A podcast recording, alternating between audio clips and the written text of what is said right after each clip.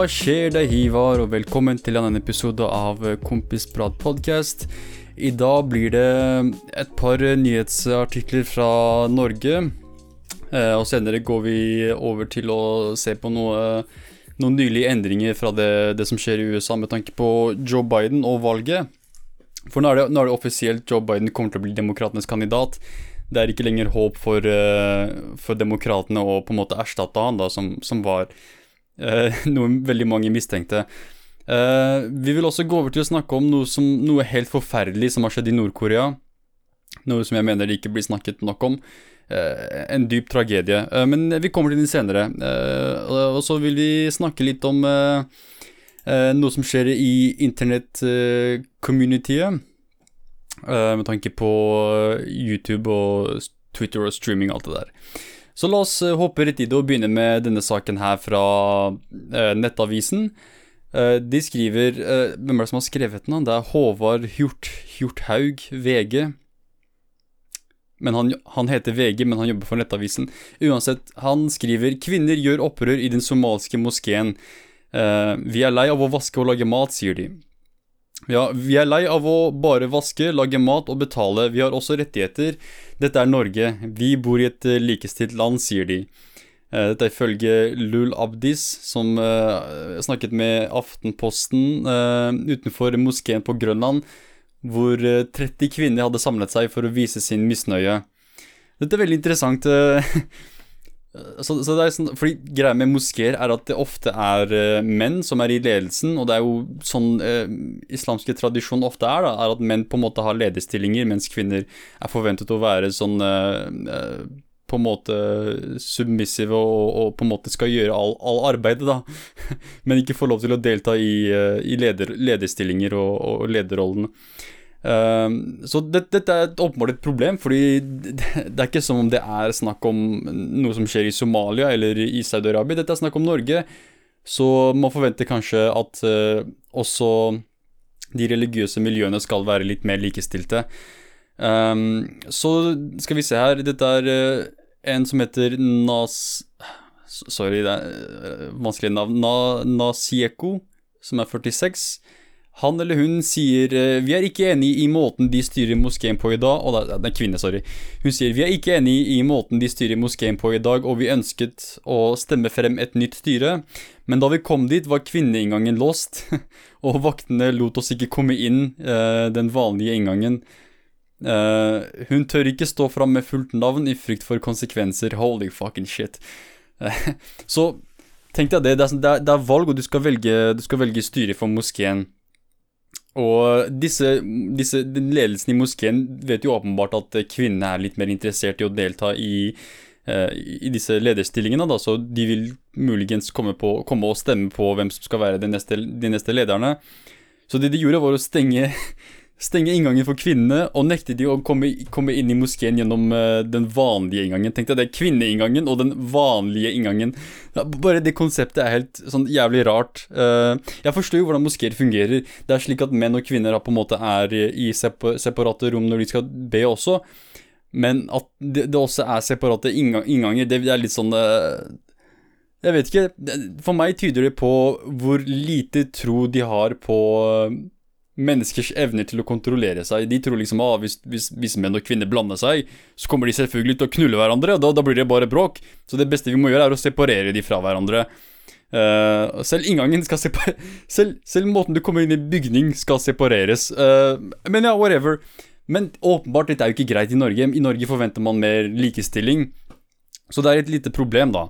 Uh, uh, skal vi se her uh, Nettavisen skriver De siste årene har interne konflikter preget ta Taufiq, Islamsk senter, uh, Norges største enkeltstående moské, med nesten 8000 medlemmer. Holy shit. I år havnet kampen om hvem som representerer styret og hvilke vedtaker som skal gjelde i retten. Det har ført til både at fylkesmannen og kommunen stoppet den tradisjonelle overføringen til trossamfunnet for 2019 eh, og 2020. Eh, I vinter bet noen av eh, fingeren på en kvinne under et slagsmål i moskeen, og politiet har måttet rekke ut flere ganger lørdag, da det igjen oppsto en opphetet diskusjon fordi flere medlemmer ble utestengt fra årsmøtet, var politiet nok en gang til stede. What the f... Hva er det som skjer? Hva, hva faen? Det, det er liksom det, Dette er et sted hvor du kommer for å tilbe Gud. Du kommer her for å liksom eh, For å, for å Ja, for å tilbe Gud. Det, er noe veldig spirituelt og, og religiøst.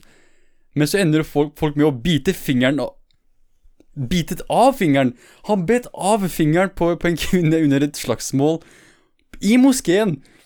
Så what the fuck, hva er det du driver med? Du, kan, kan, du i hvert fall ta det utenfor? Og kan du helst ikke bite av fingeren? Så what the fuck? Seriøst, bet av fingeren? Og Ikke rart at politiet måtte være til stede nå også, bare fordi det var en slags eh, Oi, sorry. Bare fordi det var en slags opphetet eh, diskusjon, som de kaller det her. Fordi hvem vet, kanskje en enda en person mister fingeren? Sånn holy fuck. Uh, wow. Så det, dette er åpenbart en veldig uh, en veldig streng Ja, ikke si streng, men kanskje veldig skummel diskusjon da, som, som foregår i denne moskeen. Um, holy shit, det er stort også. Jeg ser hvor bildet her uh, Det er ganske stort. La meg se om jeg kan dra det over her. Uh, det er ganske stort. Uh, men uansett, la oss lese videre her. Ifølge Oba Abdin, bystyrepolitiker for Oslo Arbeiderparti og medlem av moskeen, er mesteparten av medlemmene kvinner. Mesteparten er kvinner, holy shit! Halvparten av disse er igjen, igjen, er ungdommer, men likevel er stemmene deres fraværende. Så jeg tror nok det er der uh, Ok, bare la meg, meg fullføre sitatet. Hun mener kvinner, kvinner blir sett på som noe som kan gjøre opprør og forstyrre mennenes makt. Uh, Aden legger derimot til at styret har undervurdert at man i et demokratisk samfunn ikke kan utestenge halvparten av medlemmene sine for å så motta statsstøtte. Hun kaller det hele for uh, maktmisbruk, pengemisbruk og udugelighet. Ja, det er gode, gode måter å beskrive det som skjer, skjer her, altså. Sånn, dette her er ganske fucked up. Men igjen, så jeg forstår godt hvor denne den, det, Dette ønsket for reform kommer fra. Dette er jo snakk For det første, det er over halvparten av kvinner, og Eller mesteparten av medlemmene er kvinner, og halvparten av disse er ungdom. Og ungdom i Norge i 2020 er langt mer liberale og, og åpensinnede da, når det kommer til sånne ting. Og det er litt mer villig til å på en måte tøye grensene når det kommer til religion og kultur og alt det der. Og de vil jo ha en, vil jo ha en endring, fordi de, vi lever jo ikke i det samfunnet lenger hvor på en måte kvinnen er alltid sånn uh, submissive, og det er alltid mannen som skal på en måte ta alle uh, Hva kaller man det? Avgjørelsene, da, for, for fellesskapet. Uh, de, de, sånn, selvfølgelig vil de da ha flere, flere, representanter for seg selv i moskeen, for de er jo en stor andel av moskeen. Uh, de er en stor del av fellesskapet, så da burde kanskje de ha noe, noe å si også. Um, igjen, det er veldig mange folk som kommer hit. 8000 folk. Um, og at de fortsatt likevel får statsstøtte og de får penger for å på en måte opprettholde dette, dette religiøse trossamfunnet, uh, men samtidig på en måte nekte en så stor andel av uh, sitt uh, sin moské da, og demokratiske rettigheter, som det å bare møte opp og velge hvem som skal bli den neste lederen, det, det er veldig dårlig det, det, viser, det viser bare hvor gammeldagse og tilbakeholdne disse folka er. De har ikke peiling på hva som skjer i samfunnet. Uh, er, jeg kan garantere deg at de, de, de, som sitter i styret nå, er konservative gamlinger som, som på en måte hater norske verdier, men samtidig liksom er, er, i Norge da, og setter pris på norske friheter. Men de hater det, det med at for at kvinner i Norge er De våger å kreve demokratiske rettigheter. De våger å på en måte ville delta i, i lederstillinger. Det er fucked up, men uh, det er faktisk jævlig kult at disse jentene her tør Eller noen av de tør å stå offentlighet. Det er jo mange her som ikke tør å si det ordentlige navnet sitt engang. Fordi de er redde for konsekvensene. Uh, og det, det, gir mening. Dette er igjen dette er snakk om veldig konservative folk som har veldig sterk tro. Så hvis du på en måte kommer og utfordrer uh, deres uh, makt, da, så, så, kan det hende de angriper, eller i hvert fall gjør noe for å, for å uh, skremme deg bort da, for å intimidere folk fra å i det hele tatt komme på moskeen. Um, og jeg, jeg, vet ikke, jeg vet ikke sånn, hvordan disse folka her tror at det er det beste for moskeen, er at de utelukker kvinner, og, øh, og, samtidig på en måte tråkker ned på, på, på, deres øh, demokratiske rettigheter, men samtidig forventer at øh, moskeen skal på en måte vokse, og at religion skal vokse. Du kan ikke gjøre det. Jeg, jeg, tror nok det Mest sannsynlig så er det, så er det veldig mange kvinner som blir, som blir, på en måte skremt bort fra, fra det religiøse samfunnet her. Det er ikke måten du på en måte konverterer folk over til din side. Det er måten du liksom eh, får folk til å uh, gi opp religion, da, ved å, ved å, liksom fortelle dem at vet du hva, vi er gamlinger, vi tror på altfor gamle verdier, og vi, vi, selv om samfunnet endrer seg, så vil vi aldri endre oss. Fordi, fordi hvorfor? Fordi en, en eller annen eh, liksom, gammel tradisjon i gamle dager sa at det er greit at kvinner på en måte ikke skulle være i lederstillinger. Jeg vet ikke til hvilken grad det er sant engang. Jeg tror det bare er noe som uh, visse kulturer har adoptert som, som sin uh, som sine som kjønnsroller, da, at, at, det skal være slikt. Jeg, jeg, ser virkelig ikke faren ved å ha en kvinne som på en måte Som er med på, på å styre i en moské. Det, det, det, skal ikke være så vanskelig. Det skal ikke være så, så mye å kreve heller. Det er, ikke, det er, ikke, som om de ber om å Vet du hva, vi skal male hele moskeen pink, og vi skal liksom ha 90 uh, sånn kvinneplasser og ikke noe plass for menn. Det er ikke det de snakker om her. De, de snakker bare om å, å kunne være med i, i, lederskapet også, og kunne bestemme de også. Fordi de er igjen, de er en stor andel av moskeen. Så for meg gir det her 100% mening. Um, og det, det, blir interessant å se hva som, hva som, ender opp med å skje her, men jeg heier på disse jentene her også. Det er, det, jeg syns det er veldig imponerende det de gjør her. Um, og jeg, igjen, jeg gleder meg til å se hvordan det utvikler seg, og jeg, jeg håper det beste for dem. For dette er ganske, ganske, interessant, og det kan ha veldig mye å si for resten av det norske samfunnet og de andre moskeene, for det er bare snakk om én moské, og i, en spesifikk kultur, da, som somalsk moské. Uh, så det, er, det, blir interessant å se hvordan dette her på en måte sånn, søler over da, til andre, andre, kulturer og andre uh, religiøse trossamfunn. Uh, så la oss gå videre her til å snakke om noe som er Ja, dette her er en slags sånn kjendisnyhet, og Fuck it, hvorfor ikke? Hvorfor skal vi bare snakke om politisk shit? La oss, la oss ta en kjendisnyhet også. Det, med, med, kjendis så mener jeg Petter Northug. Sånn alle vet hvem Petter Northug er. Han er jo Northug. Wow, det, la jeg ikke merket til. Han heter Northug. Petter Northug. Men ja, Petter Northug, som heter på norsk, da. Uh, han, han, ble jo tatt for uh, å kjøre under ruspåvirket tilstand. Er er det det riktige ordet? Jeg vet ikke. Jeg tror det. Råkjøring står det her. Ok, ok, la, la, meg bare lese her før jeg bare driter meg ut enda mer. Uh, dette er en artikkel skrevet av Bern... Bern oh, så mange rare navn! Holy shit! Bernhard heter han. Ikke Bernhard, men Bernhard. Bernhard Veland, Anne Mari Dahl og Kurt BM Haugli. Ok, så de skriver at uh, Northug erkjenner at han trenger hjelp. Uh, har fornektet det og levd et liv på siden. Hæ? Uh, mange av disse titlene forvirrer meg som bare faen. Mm, men, men, la oss se hva de skriver her.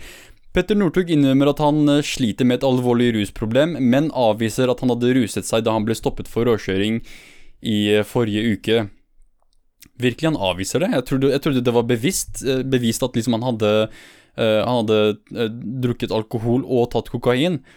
Um, jeg, jeg, så på den der videoen hans hvor han forklarte seg selv, og ifølge han, da Jeg, jeg, vet ikke til hvilken grad han har rett, fordi han det er han som er skyldig i denne forbrytelsen. Én ting er å bruke alkohol og kokain sånn du skal jo ikke mikse rusmidler, og spesielt ikke liksom eh, sånne typer rusmidler. Du burde helst ikke gjøre det. Det er jo ikke trygt. Men igjen så er dette problem, problemet jeg har med dette her, er at han på en måte valgte å sette seg bak rattet i, i denne tilstanden, da. Uh, og jeg vet ikke til hvilken grad han, har, uh, han forteller sannheten når han sier at han på en måte ikke var beruset når han uh, At han ikke var påvirket av alkohol eller, eller narkotika, som han kalte det, når han ble tatt. Men det er åpenbart at han, han, hadde tatt rusmidler fordi politiet fant, ifølge artikkelen uh, Vent litt, la meg, se her. Det var, det var, sist fredag at den tidligere skistjernen fortalte på sin Instagram-konto at han ble stoppet av politiet i en fartskontroll kvelden før, og at det ble funnet en mindre mengde narkotika, kokain, hjemme hos han. Jeg synes det er veldig kult at de nevner at det er kokain. Um, fordi ofte sier de bare at de fant mindre mengder narkotika hjemme hos han, og det, da kan det bety alt fra hasj til heroin. Men at de tydeliggjør kokain, det liker jeg. Jeg syns det er veldig, veldig fint at, uh, ja, at, at, de, at, de, i hvert fall gjør det her. Men igjen, sånn, når det kommer til For vi har snakket om dette her tidligere. Så når, når kjendiser uh, blir tatt for uh, narkotikaforbrytelser, eller rusmiddelforbrytelser, da, så er det veldig vanlig at kjendiser på en måte slipper unna med det, og at, at uh, staten er liksom litt mer uh, tilgivende, da, når det kommer til, uh, til straff for de, mens når det kommer til straff for sånne som meg og deg, jeg kan garantere at det ikke, hadde vært noen artikler skrevet om oss, og vi hadde ikke vært i media, og vi hadde ikke liksom fått muligheten til å gå til en pressekonferanse og si ja, jeg trenger hjelp vi hadde vært, liksom, havna rett, rett, i fengsel og fått en bot, og ja, og hvis du ikke hadde klart å betale boten, så hadde du endt opp i fengsel. Så den type dobbel, eh, dobbeltmoral, det Jeg vet ikke hva jeg syns om det, altså. Det er, selv om Igjen, selv om jeg, jeg, ikke har noe imot tanken om at Petter Northug bruker kokain han kan, han kan, sniffe så mye kokain til han liksom brenner bort nesa si. Jeg gir faen. Uh, han kan godt gjøre det. Er, han, han, er jo, han er jo suksessfull person, han har oppnådd jævlig mye. Han har puttet Norge på kartet. Han har gjort veldig mye som fortjener ære og heder. Så på den måten så, så, så jeg er også liksom litt stolt av, av, av, at liksom han er norsk, og at han liksom er så flink og alt det der, og representerer Norge. Uh, og kanskje derfor er jeg mer liksom, åpen for at han kan gjøre hva faen han vil, liksom, på den måten, da. Men det du ikke kan gjøre, dude, sånn helt ærlig, det du ikke kan gjøre, er å sette deg bak rattet. For da kødder du ikke bare med ditt eget liv, men da kødder du med andres liv også. For når du, putter, når du setter, setter deg i en bil, så er du liksom i en dødsmaskin. Du er, du er i en faktisk maskin som kan ta livet av så mange folk. Så den risken eh, Jeg vet ikke hva jeg syns om det, og jeg, vet ikke hva jeg syns om Northug. Uh, for at han liksom Han er villig til å ta denne risken. Jeg synes det er veldig det, det, det, forteller meg veldig mye om han som en person, om hvor uansvarlig han er. Uh, og det er ikke første gang han har liksom kødda rundt med, med, med, trafikken og alt det der, så på den måten, det med at han gjentatte ganger gjør dette her, og at han på en måte alltid driter seg ut på den måten her, så er jeg veldig sånn uh, Ja, jeg vil hjelpe han for han har et rusproblem, men igjen så skal du få straffen din. Du skal ikke slippe unna straff bare fordi liksom vi mener at ja, du trenger hjelp. Uh, det er noe annet enn å, å, komme ut og si jeg bruker kokain og jeg trenger hjelp, enn jeg ble tatt for råkjøring. Jeg kjørte, sånn, han kjørte 168 km i 110-sone på E6 mellom Dal og Mogreina på Romerike på vei hjem fra skiskole i Trysil. Nesten 170 km i timen på 110-sone. Jeg skal være ærlig, jeg har kjørt på 120, 130 Uh, muligens har jeg kommet meg opp til 140, men da har jeg liksom pissa litt på meg selv. På sånn, uh, sånn på, på, på, E6, uh, det området der. Men 168 km i timen, bro! What the fuck? Hva, hva, hva, prøver du å reise i tid, eller hva faen? Så er dette Back to the Future? Prøver du å nå visst antall hastighet for å komme deg tilbake til 1980-tallet? What the fuck? Det, det, er liksom Det her er, det er skummelt. Det er ikke bare med tanke på hans egen trygghet igjen, men også med tanke på at han kunne tatt livet av, av noen andre. Det er veldig mye. Uh, og det hjelper ikke at han, at han faktisk ble, ble funnet med, med, kokain. Da. Det, igjen, vi er i Norge hvor, uh, hvor hvis sånne som meg, da, eller sånne som deg, som sitter og ser på, hvis du hadde blitt tatt med kokain du er fucked. Livet ditt er ferdig. Så du får det på rullebladet ditt, og det står ikke på rullebladet ditt uh, 'funnet en liten mengde kokain'. Nei, nei, det, det vil stå 'narkotikaforbrytelse', 'brudd på legemiddelloven'. Det høres jævlig sånn seriøst ut. Så ja, det er, litt, det er litt, urettferdig at på en måte han, han, ikke får den samme type behandling. Fordi her i Norge er, jo, er det jo likestilling mellom alle sammen, og at uh, sånn samme hvem du er, så skal du få uh, den samme type behandling. Men jeg vet ikke til hvilken grad det er sant, fordi vi har sett eksempler av, eh, av, eh, av at kjendiser, bl.a. blant annet skuespillere, slipper unna med, med, kokainbruk og besittelse av store mengder kokain fordi de på en måte er viktige for, kultur, for kulturen vår. Og Det samme kan vi si om Petter Northug. Han er både viktig for sporten vår, og, og for norsk sport og norsk kultur. Uh, så jeg skjønner at veldig mange liksom Å, vi må hjelpe han! Ja, jeg forstår det. Selvfølgelig, alle som har et rusproblem og innrømmer at de har et rusproblem, trenger hjelp. Det er det like med den nye rusreformen, men igjen, det, det, han må på en måte få straffen sin med tanke på at han har gjort noe som er veldig uansvarlig, og noe som alle vet du ikke bør gjøre. Sånn, jeg skjønner at fokuset her er på kokain, fordi kokain er veldig sexy, og det er liksom uh, sånn kokain, narkotika, det høres mer skummelt ut. Men det mer seriøse her er at han gir faen i, i, i, i lovene. Han gir faen i trafikklovene. Jeg hadde ikke sluppet unna med 168 km i timen og, uh, på en 110-sone. Men la oss lese mer her. Dette er hovedtrekkene fra pressekonferansen uh, som Petter Northug tydeligvis uh, var med i. Her, innrømmer Northug at han har et alvorlig rusproblem, og at han har snakket om en periode med og han snakket om en periode med mye festing og narkotikabruk etter endt karriere. Så det, det, er det, det, er det sportsfolk, sånn idrettsutøvere, gjør når de er ferdig med karrieren sin. Er å gå ut og feste og faktisk sniffe kokain. Det er jo sant. Jeg, jeg, jeg, så, på, jeg så, på, et par eksempler fra eh, sånne idrettsutøvere på 90-tallet også, hvor de gjorde det helt det samme. Hvor det var sånn snakk om uh, bruk av kokain, og i veldig mange saker var det også snakk om store mengder cannabis også. Så jeg, jeg synes det er litt morsomt at idrettsutøvere som på en måte hele greia deres er liksom å være sunn og, og, ha god helse Det første de gjør etter å liksom bli ferdig med karrieren sin, er å uh, stappe nesa full av kokain. God bless. ok, greit. Men ok, men det er tydeligvis et alvorlig problem, da. Uh, og det er altfor mye festing, mener han. Uh, han hevder også at han ikke hadde inntatt rusmidler før han ble tatt i fartskontroll. Igjen, det er litt vanskelig å, å, på en måte avgjøre det. Jeg vet ikke, jeg vet ikke hvordan politiet i det hele tatt skal avgjøre om, om, man, om man, faktisk var i beruset tilstand når han ble tatt. men når jeg tenker på hvor kjapt han kjørte, uh, så, så, er jeg liksom i tvil om at han ikke var beruset, hvis du skjønner hva jeg mener. Hadde, han, hadde, han, ikke vært beruset, så hadde han kanskje hatt litt mer, eller litt mindre uh, Det hadde vært en mindre sjanse for å kjøre så kjapt, da, fordi hvis du sniffer kokain da, som på en måte gir deg energi, og du føler deg som konge og alt det der, det gir mer mening hvis du kjører 168 og du har sniffet kokain. Det, det virker som at det er grunnen for at du kjørte så kjapt fordi du hadde sniffa kokain, men uh, han mener at han ikke har det. Og igjen, sånn, ok uh, Jeg kan tvile så mye som jeg vil, men jeg er jo ikke domstolen, jeg er ikke, jeg er ikke rettssalen, sånn jeg kan ikke jeg, jeg, jeg, jeg, var ikke der når han kjørte. Jeg var ikke der når han ble arrestert, så jeg kan ikke si noe om det. Men jeg kan si at jeg tviler på han. Har, har jeg ikke lov Har jeg ikke lov til å si at jeg tviler? Come on, det, det bør være fuckings greit.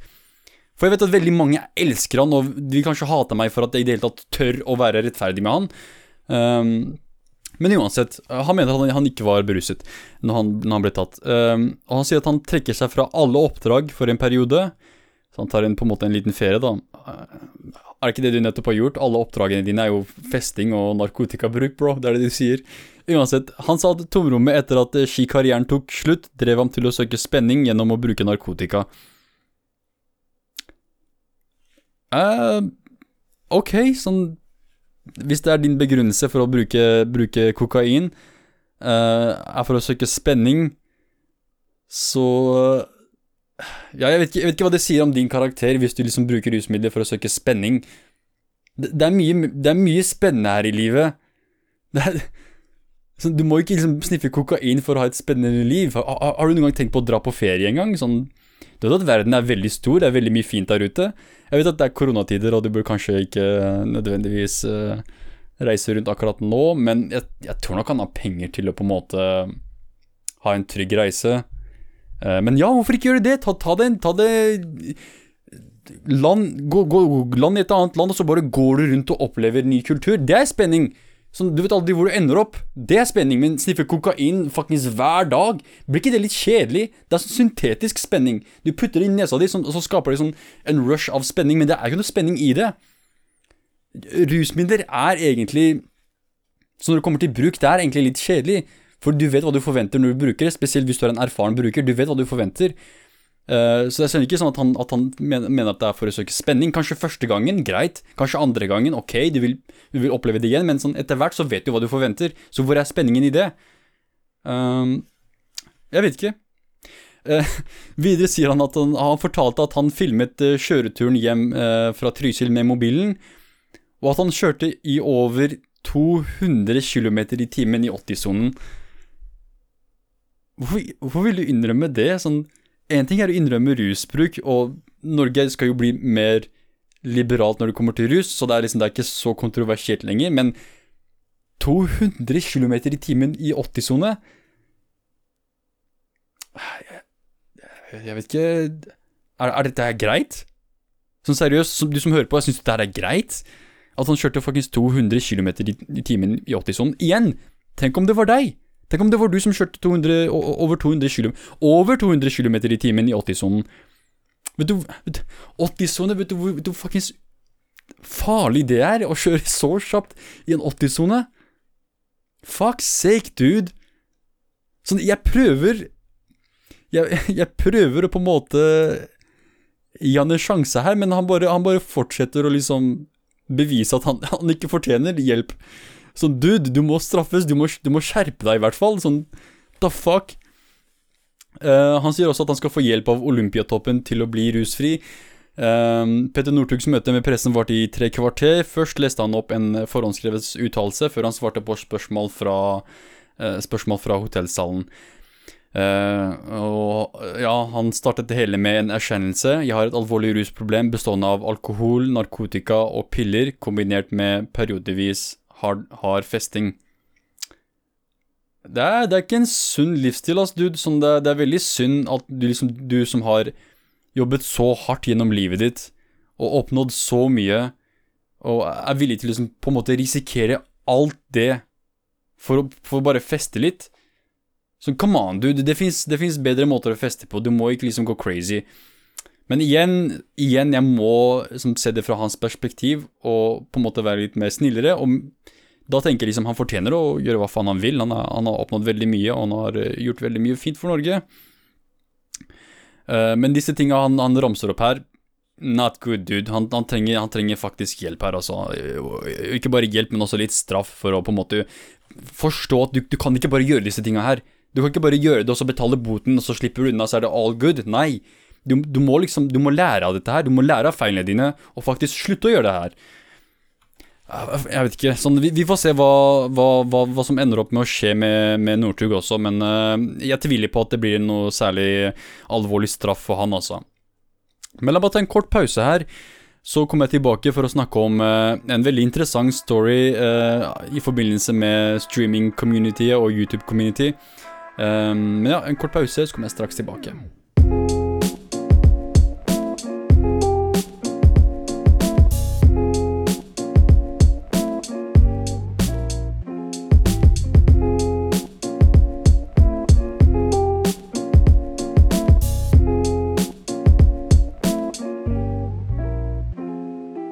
Yes, da er jeg tilbake. Så eh, nå kan vi gå over til å snakke om denne storyen jeg teasa før pausen her. Så dette er skrevet av Essentially Sports, uh, The Fan Perspective. Så det her er en slags bloggside som på en måte har oppsummert den, den saken jeg, jeg, skal diskutere her. Og tittelen er skrevet av Oh my fucking god. Uh, ok, la, la, meg prøve, la meg prøve, sånn ut av respekt, la meg prøve. Hritik Unikrishnan Unikrishnan Hriti, Hrithik Unikrishnan Sorry, dude, men i hvert fall takk for at han eh, Ja, takk til han for å ha ramset opp denne, denne saken her. Så hva er, hva er, det det er snakk om her? Jo, Pokimane Veldig morsomt navn, Pokimane. Uh, ber om unnskyldning til, uh, til streaming-communityet for uh, dårlig oppførsel, da. Så greier at hun uh, hun endte opp med en, en diskusjon med anerkjent drittsekk, uh, Keemstar. Sorry, anerkjent morapuler. Uh, Kim. Jeg lovet meg selv å slutte å banne. Men fuckings Keemstar. Og hvis du ikke vet hvem Keemstar er God bless. Sånn bra for deg. Uh, jeg, jeg, tror det er best at du ikke finner ut av det heller. Men i hvert fall, han er en, på en måte en, en kjent YouTuber som ofte diskuterer sånn YouTube-drama og Uh, spesielt sånn internettdrama sånn generelt, sånn med tanke på streaming og alt det der også. Og han er, han er uh, beryktet for å spre falske rykter uh, og på en måte provosere folk på Twitter og starte diskusjoner og på en måte bruke den, den, den samtalen til å liksom bevise Se, hva sa jeg? De, de folka her er crazy. Så for eksempel, hvis du på en måte kritiserer Keemstar, da, så, så sender han deg en Twitter-melding. Hei, Ivar. Jeg hørte at du er en voldtektsmann. Er det sant? Sånn, nei, jeg er ikke det. Jeg er en kilde som sier at du er en voldtektsmann. Altså sånn, yo, dude, hva, hva, snakker du om? Så what the fuck? Og så går han på showet sitt. Jeg snakket med Hivar og anklaget han for å være en voldtektsmann. Han nekter for det, men jeg har en kilde. Hvem er kilden? Ræva hans. Han bare finner på, finner på disse tinga her. Så med det bare for å gi litt kontekst her om hvem Keemstar er, da, og, og Pokimane, som er en uh, streamer som uh, spiller veldig mye uh, League of Legends, som er veldig populært, og Fortnite, som også er veldig populært. Um, så en populær streamer, da. Han har liksom Keemstar har på en måte startet konflikten med hun på Twitter, og um, jeg, vet ikke helt hva Keemstar har anklaget henne for, eller uh, på en måte hva han trakasserer henne for. Uh, men i hvert fall denne diskusjonen hun hadde med Keemstar Keemstar endte opp med å slette sine tweets, men uh, noen andre hadde på en måte tatt bilder av disse tweetene her da, og på en måte lagt det ut på internettet da, og spredt det videre. Um, og når hun, den, når hun så en av de videoene som hadde gjort dette her, da, så fikk hun YouTube til å fjerne det, fordi det var jo hennes materiale, det var hennes tweets. Så hun kunne, basert på, basert på YouTube sine guidelines og regler, så kunne hun fjerne den videoen. Og hun gjorde det. Og det gjorde at hun fikk veldig mye kritikk mot seg, så hun endte opp med å unnskylde for det og lovet å aldri fjerne noen andre videoer igjen.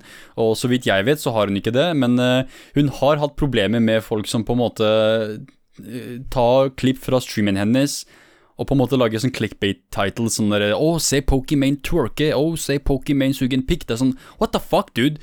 Uh, og selvfølgelig, jeg hadde blitt fuckings pissed off. Sånn, du kan ikke bare gjøre sånn. Du kan ikke bare liksom ta materialet sånn Hvis noen no tar disse podcastene da og sier uh, sånn Hør på Hivar uh, promotere nazisme. Sånn clickbait, obviously bullshit. Men sånn, det er det tittelen er. Og folk klikker jo inn på tittelen fordi de tenker wow, seriøst? Jeg, trodde Hiva var sånn fucking socialist bastard. Er han plutselig blitt nazist? Så klikker de seg inn, ikke sant? Og selvfølgelig, det, det ender opp med å være bullshit. Men tittelen det, er mange som ikke klikker engang, men mange ser disse titlene her og tenker oh shit, denne personen her er fucked up. Så jeg vil ikke engang klikke på det, fordi det her er motbydelig. Så det er sånne ting. Så det er med på, på en måte med på å ødelegge ryktet til en person. Så det at hun vil ha slike videoer fjernet, fuck yes! Fuck yes! Sånn, selvfølgelig skal du fjerne sånne videoer, hva faen? Du kan ikke la sånne videoer på, på YouTube, liksom. Og folk som beskytter eh, Sånn som Leafy og alle disse fuckings disse nerdene, disse taperne som kommer ut og sier sånn her Å, eh, sånn, kritiserer henne da for å våge å fjerne disse videoene. Hadde, det vært, hadde jeg vært henne, jeg hadde fuckings fjerna alle videoer som ikke var liksom uh, Som hun ikke likte, da. Så det, det er hennes rett. Er, liksom, du kan ikke bare gå ut og spre materialet hennes med, med fake titler og eller øh, lage videoer øh, om, om, hennes innhold, da, uten hennes samtykke. Så jeg forstår godt at hun på en måte uh, ja, har reagert på den måten hun gjorde det, da. Uh, skal vi se her, hun hadde et lite ja, en, en annen problem med en som het It's a Gundam, hvor hun påstår at What?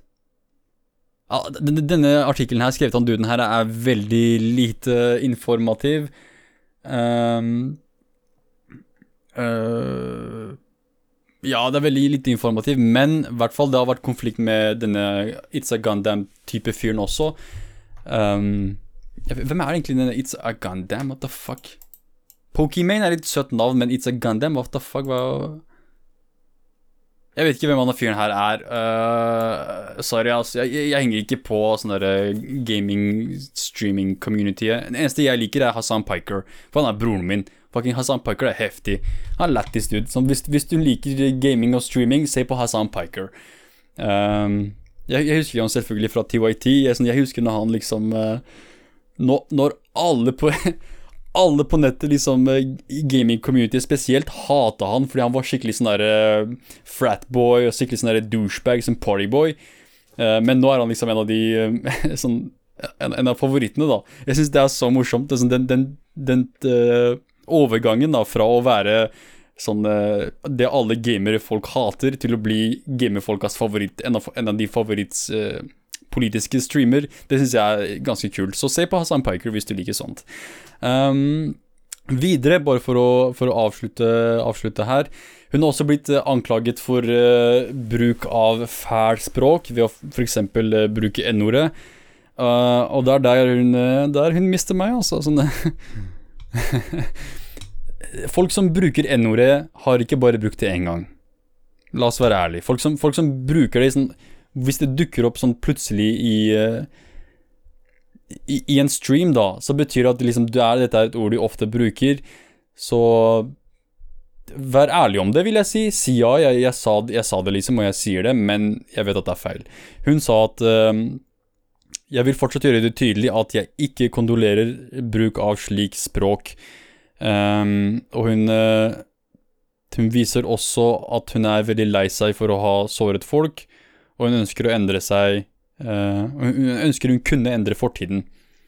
Igjen veldig rart skrevet artikkel her, så det blir veldig vanskelig å oversette også, men uh, tydeligvis så, vil, så, har hun på en måte bedt om tilgivelse for, for det fæle språket, da. Um, og så skriver hun her uh, Jeg vil ikke at mitt personlige liv skal være en del av mitt, uh, mitt innhold. Uh, jeg vil erfare mitt forhold uten press fra online publik publikummet. Og hvis du er uenig, så har du så, så, er det greit. Det er helt greit å være uenig. men du trenger ikke å Da betyr det at du bare ikke trenger å støtte meg og mitt innhold veldig sånn, fornuftig Ja, jeg sier ikke noe galt med det. Sånn, ja. Uh, for min del så kan du godt bruke N-ordet også, men da kommer ikke jeg til å se på. Liksom, eller da kommer ikke veldig mange folk til å se på. Så det må du bare forvente. Uh, og, og jeg, jeg, skjønner, jeg, er glad at hun liksom, på en måte er klar over akkurat dette her. Og jeg så jo på videoen hennes hvor hun forklarte dette her. Hun virker ikke som en uintelligent person. Absolutt ikke. Hun virker som en veldig sånn, Til en grad jeg har sett Eh, lært om henne. da, virker som en veldig reflektert person til den grad at hun i hvert fall tør å komme ut og uh, på en måte si unnskyld uh, i en sånn 15 minutter lang video. Så det er liksom, det er creds, uh, etter min mening, men fortsatt ikke greit å være fæl person. men igjen denne, denne, konflikten med Keemstar, jeg tror det er der det som gjør at jeg havner mer på hennes side, for jeg absolutt hater Keemstar. Jeg, jeg liker ikke den, den fyren. Uh, jeg hater å måtte sensurere meg selv, altså, men uh, sånn jeg må, jeg må, skjerpe meg med banninga mi. Men ja, det er, det, er i hvert fall interessant da, som, hva, som kommer til å skje med, hva som kommer til å skje med hun videre. Fordi det er, det er veldig mange streamere som har fått jævlig uh, sånn, dårlig behandling pga. sånne rykter eller uh, anklagelser eller uh, ting de har sagt eller gjort, som gjør at de på en måte mister hele sin uh, streamingkarriere fordi de går imot Twitch sine guidelines og regler. Så jeg vet ikke til hvilken grad uh, Pokimane kommer til å oppleve det samme, men jeg håper ikke det. Jeg håper bare hun har lært av dette her, og hun går videre og faktisk blir en bedre streamer uh, som et resultat. Uh, sånn, ingen, tjener, ingen tjener på at det er mindre stemmer der ute. Sånn for ytringsfriheten, for whatever, hva enn du vil, hvordan enn du vil se på det på. Det hjelper ikke å liksom sensurere folk og, og, og kutte folk ut av, ut av liksom Fjerne de fra internett, på en måte, da. Selv om du er en person som sprer løgn også. Men igjen, da, da, da, går jeg imot det jeg sa i stad om at uh, Pokémon hadde rett av å fjerne materiale på YouTube som på en måte var clickbait og løgn. Det, det tenker jeg liksom Da er du det er noe annet, tenker jeg. vet ikke. Det er ikke det, for, eksempel, for eksempel det, da. Det å, det, å, det å, skape fake clickbait-titles for å og samtidig stjele noen andres materiale, er én ting. Men å på en måte være crazy, da, som Alex Jones, som, å være helt gal i huet og spre konspirasjonsteorier som er bullshit, men du tror det er sant, det tenker jeg, der, der er det litt mer gråsone. Men når det kommer til straight up løgn, som rett og slett er bare løgn, og det er liksom du har stjålet materiale, da, da har du ikke min sympati, ass, hvis du, hvis du får videoene dine sletta. Uh, jeg mener fortsatt ikke at du bør bli bannet fra YouTube eller hvor enn det er du opp, laster opp disse tinga her, men de videoene bør i hvert fall fjernes. Fordi det er, det er bare søppel, dude. Det, du, du bidrar virkelig ikke noe til debatten i det hele tatt. Uh, eller er, det er ikke noe informativt på noen som helst måte, så ja, jeg håper, jeg håper jeg klarte å gjøre dette her forståelig. Selv jeg, jeg sliter med å forstå disse sånn gaming-community og streaming-community. For meg så er det en veldig sær gruppe mennesker. Uh, men igjen, det er mange kule folk der også. Absolutt, det er mange kule folk. Sånn uh, H3H3 vet jeg har veldig, veldig mye innenfor uh, Twitch. Uh, igjen Hassan Piker, også Twitch. Og PewDiePie. Jeg elsker PewDiePie. Han er også veldig sånn litt rar bakgrunnshistorie, og mange, mange, mange vil kanskje si at pga. PewDiePie så innførte YouTube disse reglene som på en måte ødela YouTube for veldig mange. Men igjen så, så er PewDiePie en uh, veldig underholdende innholdsprodusent. Uh, og, og, hvis du er det, hvis du har en stor sånn, uh, following, så, så, tenker jeg det er, da, da, bør man være litt mer forsiktig med å sensurere, sensurere det, eller, eller fjerne deg fra plattformen helt. da. Så la meg ta en kort pause igjen. Uh, må bare få meg litt vann og frisk luft. Så kommer jeg tilbake for å snakke om uh, valget i USA. Og jeg vet at Det er veldig lenge siden jeg har snakket om dette her, men jeg gleder meg til å bare snakke om dette her i, sånn, i et, en, kanskje en halvtimes tid. Og så mot slutten så vil jeg, jeg vil fortsatt snakke om det som skjer i Nord-Korea. Den, denne brutale nyheten som er uh, hjerteknusende. Men la meg ta en kort pause, så kommer jeg straks tilbake.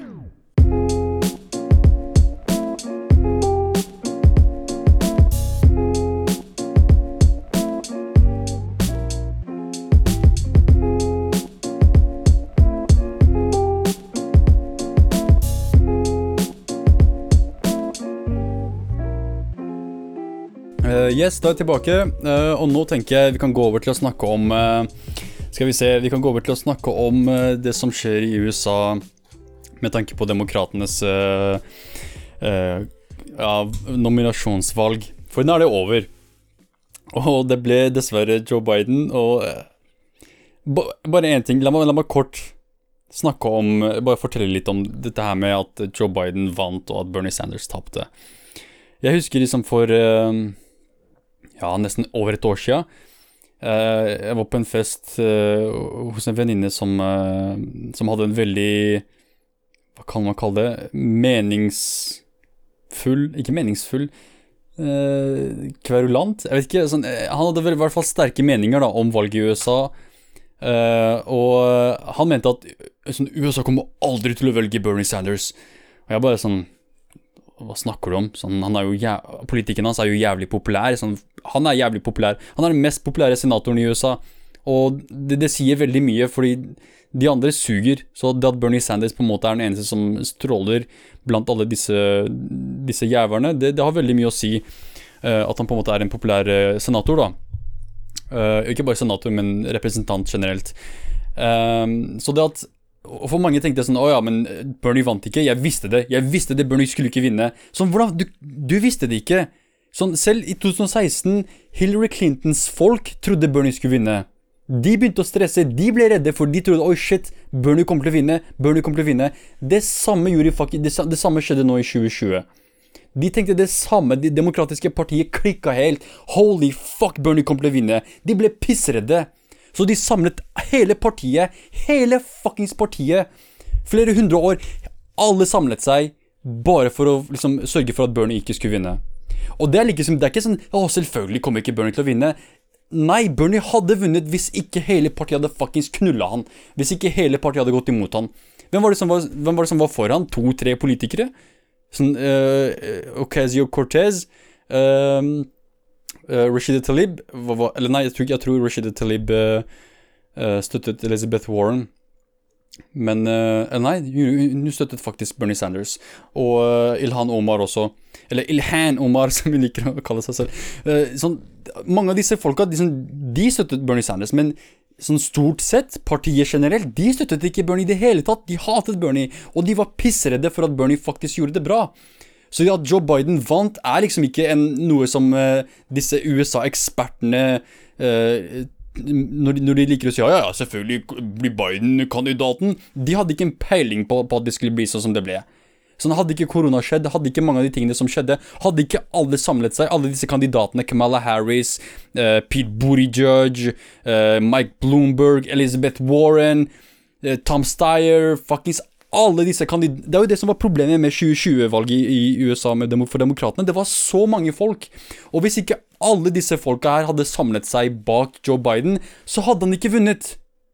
Og det er det, det, er det som er greia. Sånn, he, alt dette her var bare liksom en, en, en, en måte å jukse, jukse Bernie ut av valget, da. Så det var ikke sånn selvfølge at Bernie kom til å tape. Det, det var stor sannsynlighet for at han kom til å vinne. Og, og sånn, de etablerte politikerne, de visste det.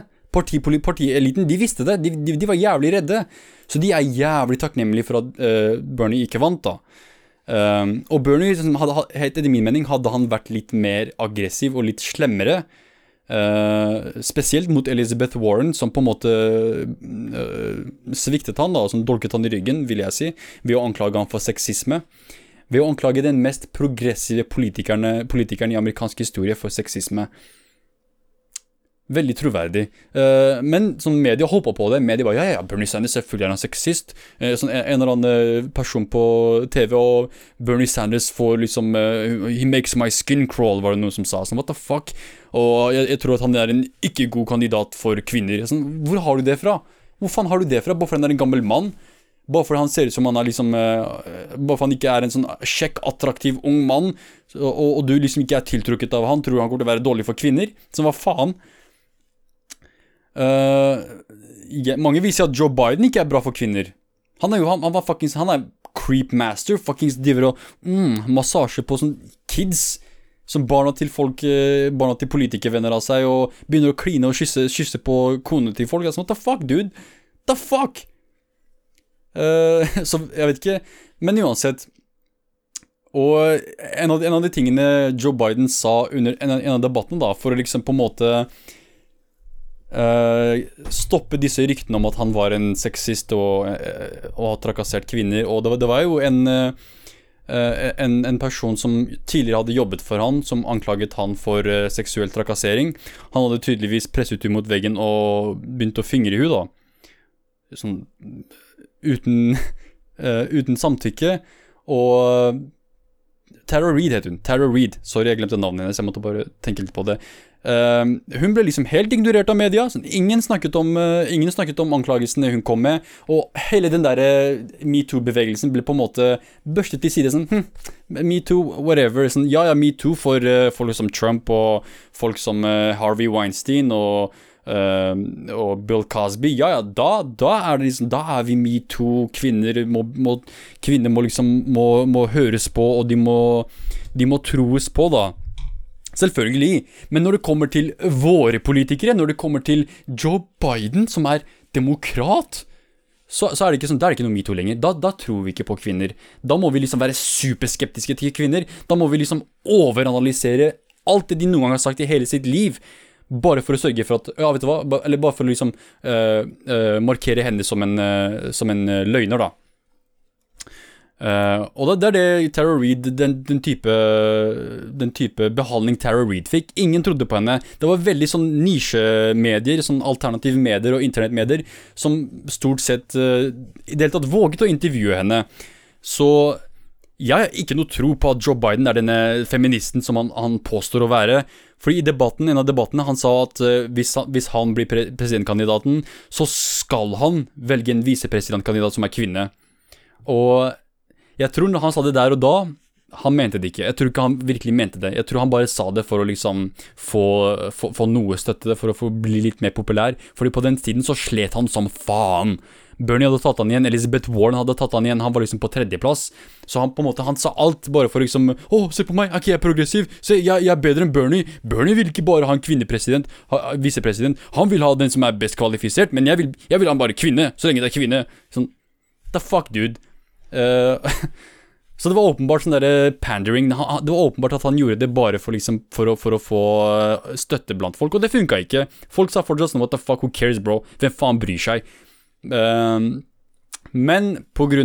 at alle, alle, disse kandidatene stilte seg bak han, Uh, og hele media konstant dret på Bernie Sanders og ga så mye heder til Joe Biden, så endte Joe Biden selvfølgelig med å bli kandidaten. Uh, og det var en veldig sånn, lang prosess hvor man på en måte testet ut hvem som skulle være hans visepresidentkandidat. Noen mente sånn Amy Klobuchar, men hun hadde veldig sånn uh, uh, Ja, en, en, rar bakgrunn med tanke på uh, politivold og, og hatkriminalitet. og hun har også blitt anklaget for å være veldig voldelig mot sine, sine arbeidere. Uh, og så hadde man uh, noen, andre, noen, andre, folk. Uh, Stacey Abrams tror jeg veldig mange progressive folk spesielt ville ha som kandidat. Jeg ville ha Nina Turner, eller AOC, men Nina Turner tror jeg hadde vært den perfekte. Jeg tror hvis Biden hadde tatt Nina Turner som sin visepresidentkandidat, så hadde jeg liksom jeg hadde elsket Biden. Jeg hadde liksom sagt Biden er liksom, han har håpet, han har fremtiden. Han er liksom, han vet, hva han, han vet hva han driver med. Men hvem er det han valgte? Men bare for å steppe tilbake. Elizabeth Warren, under valget, under nominasjonsvalget, hun bestemte seg for å fortsatt være i valget, eh, til tross for at hun hadde null støtte. Liksom, hun, hadde, hun, hadde, hun, hadde, hun, hadde, vunnet null delstater, ingen delstater, hun hadde veldig lite støtte.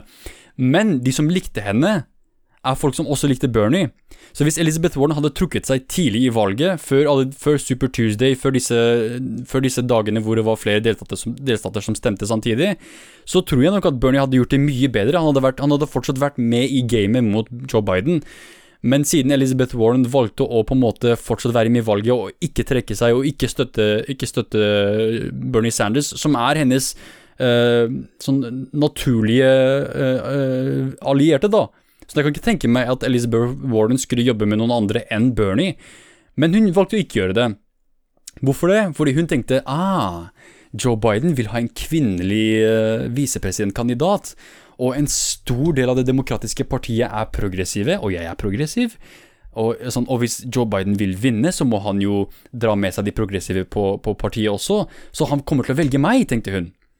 Uh, det hun ikke visste, er at Joe Biden gir faen i den progressive delen av det demokratiske partiet. Og ikke bare Joe Biden, alle demokratiske ledere gir faen i den progressive delen av partiet. Vet du hvorfor det? Fordi, hvem, hvem, hva ellers? Hvor ellers skal disse progressive folka gå? Skal de gå til republikanerne? Skal de gå til The Justice Party? Skal de gå til The Green Party? Noen av de gjør det, og de blir, de blir, de blir slakta, de blir hata på, de blir beskyldt for, uh, for Trump. Som du, det er av deg at vi har Trump fordi du våget å ikke stemme på Joe Biden. Um, så det er, det er, slik de demokratiske folka tenker, er at progressive folk, altså folk som faktisk vil, som, som Bernie Sanders og sånne folk, uh, de kommer til å stemme på oss uansett, så vi trenger ikke å på en måte uh, tilby dem noe. Vi trenger ikke å strekke ut en hånd og, og, og spørre, snakke med dem om hva de vil ha med i, uh, i politikken vår. De får ikke være med på å designe plattformen. Um, Bernie Sanders i 2016 klarte å bruke sin støtte til å tvinge Hillary Clinton til å adoptere visse, et par få uh, politiske tiltak som han, uh, han uh, ville ha, da. dessverre så endte det med at Trump vant uansett, men denne gangen så, så foreslo Joe Biden det samme, fordi Bernie Sanders er jo den eneste motkandidaten. Um, og de, de, lagde en slags task force hvor, Joe, hvor, Bernie Sanders var med på å utnevne folk som skulle være med på disse task force-greiene, til å liksom være med på å utforme politikken til uh, uh, Demokratenes plattform i 2020. Uh, så det føles litt som om det er 2016 om igjen, men til syvende og sist så har liksom Biden vist fingeren til progressive folk. Så det at på en måte Elizabeth Warren trodde at at hun kommer til å bli visepresidentkandidat. For hun har fortsatt ikke sånn offisielt støttet noen av de kandidatene. Eller jeg tror hun, nå, må, nå må hun stille seg bak Biden, men uh, når det var viktigst, når vi virkelig trengte henne, så var det veldig vanskelig å finne henne. Sånn, hun, hun, var ingen sted å finne. Hun var liksom, gjemte seg i, i huset sitt sånn, uh, med bikkja si sånn Yo, det, det, er, det, er, nå folk trenger deg, det, det, er nå Bernie trenger deg. Kan du være så snill å trekke deg og støtte han? Men hun blir fornærmet hver gang hun trakk opp. Å, oh, nei, sånn, oh, why would I do that? Sånn, hun blir fornærmet og uh, Hun likte ikke det spørsmålet i det hele tatt, men det var et veldig rettferdig spørsmål. Sånn, ja, hvorfor egentlig ikke? Hvorfor trekker du deg ikke? Du har ikke noe støtte.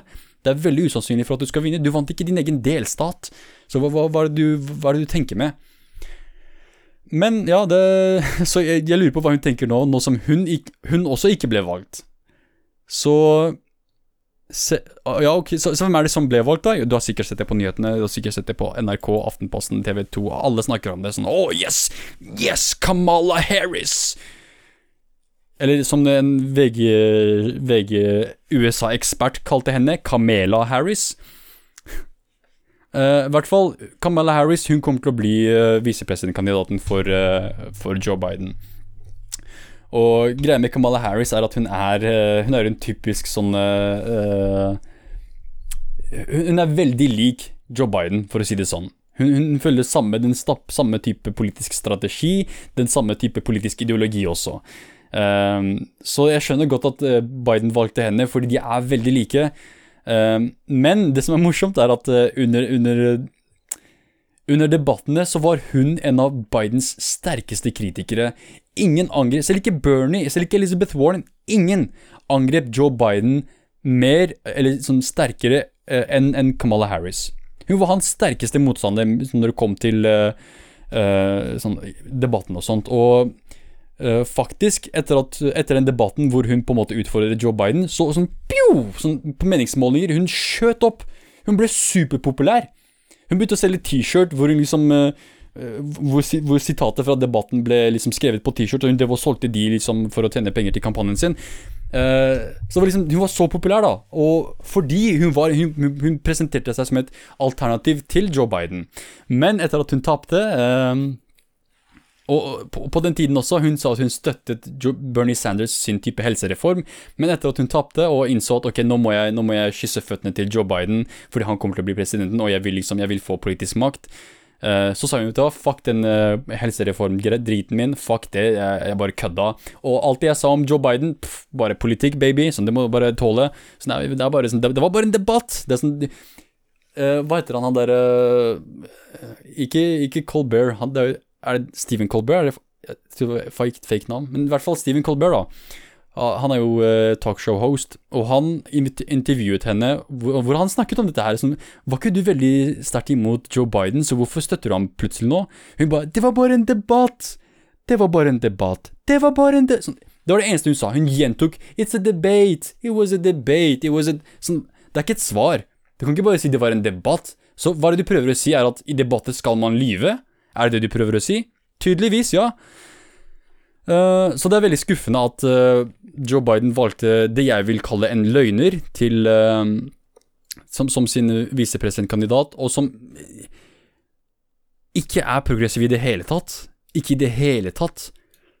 Jeg vet at veldig mange av det demokratiske partiet som er veldig opptatt av identitet og alt det der, sånn identitetspolitikk, de kommer til å støtte henne fordi hun er minoritetskvinne. Uh, og hun er en senator, så hun er en veldig, veldig suksessfull person. Og bare det faktum at hun er en kvinne og hun er uh, av minoritetsbakgrunn, så er det veldig mange folk som kommer til å stemme på henne. For det, det finnes folk som stemmer kun basert på det. Og jeg antar det er det Joe Biden prøver seg på.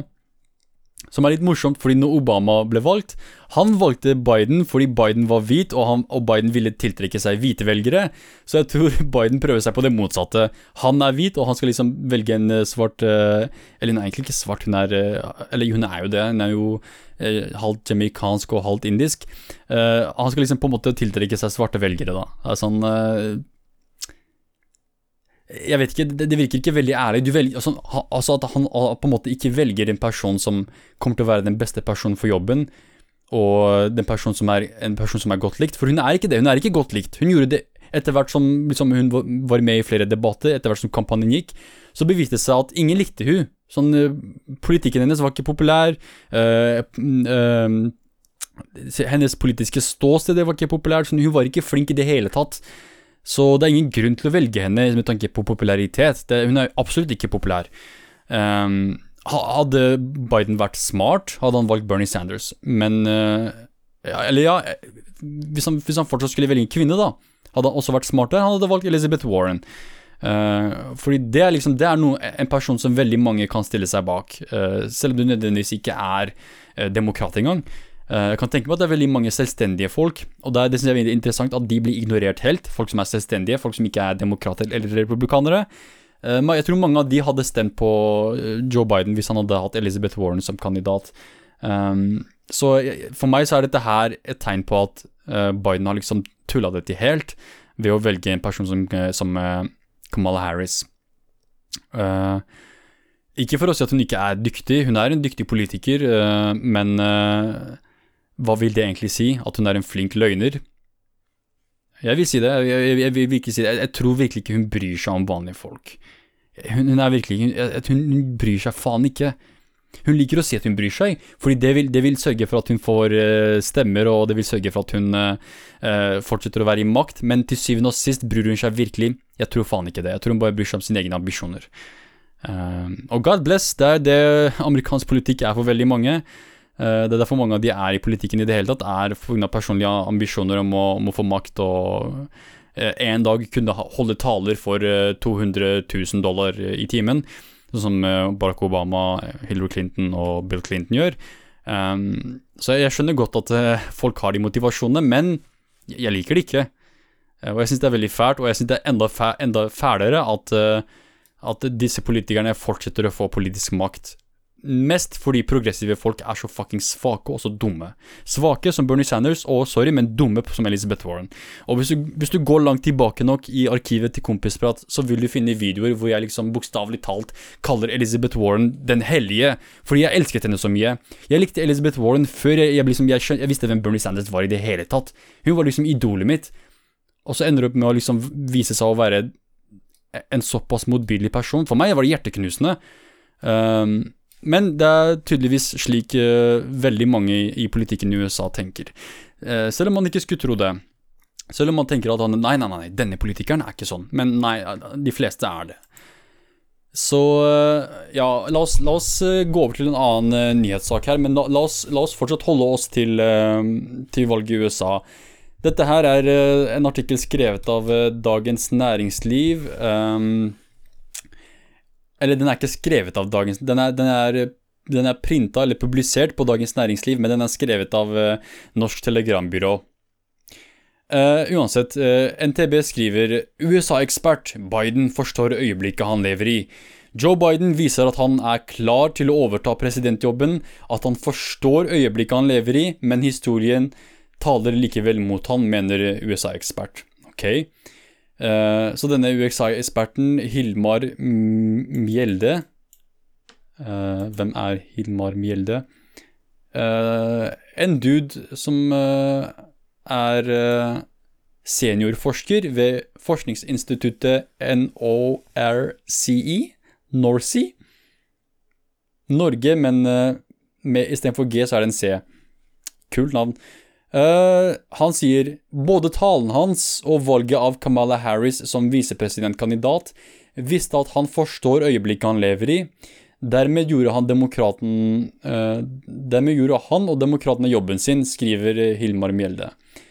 Så en ting er å si at uh, gjennom talen sin så viser Joe Biden at han på en måte vet forstår øyeblikket han lever i, altså at han forstår det politiske klimaet i USA. Han vet hvor, hvor folk, hva folk vil, og hvor de vil.